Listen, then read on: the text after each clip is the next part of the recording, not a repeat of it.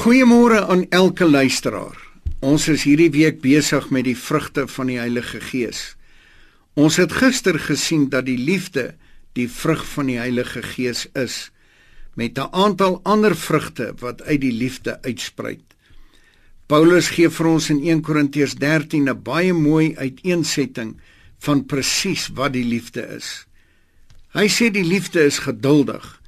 Hier het ons in die oorspronklike 'n baie interessante woord. Dit is letterlik die liefde is 'n geduld wat lank is. Dit is dieselfde woord wat ons in Hebreërs 6 kry wanneer die skrywer van die Hebreërbrief sê dat deur geloof en lankmoedigheid het mense soos Abraham die belofte verkry. Hierdie is dus 'n geduld wat nie ophou nie en dit kan alleenlik funksioneer in ons lewens as gevolg van die agape liefde van God. Ons moet ook altyd daaraan dink hoe geduldig die Here Jesus met ons is. Somstyds is hy vir jare besig om geduld met jou en my te beoefen oor aspekte van ons lewens wat nog nie volgens sy wil is nie. In hierdie dag kom ons beoefen ons geduld wat in ons harte is. Die woord sê immers dat die liefde van God is in ons harte uitgestort en een van die uitvloeisels is 'n lang geduld.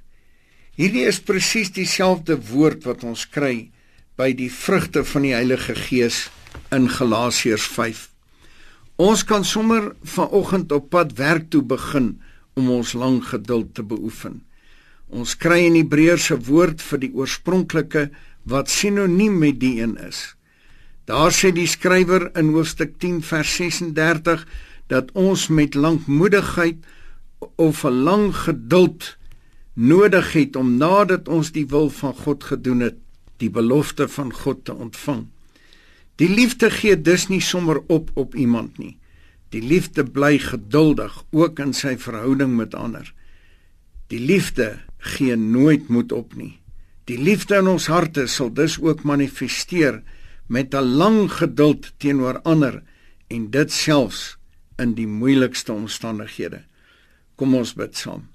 Dierbare Here Jesus, ons dra net hierdie dag met al sy bedrywighede aan U op.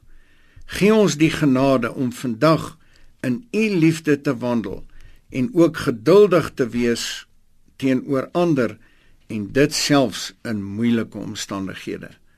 Amen.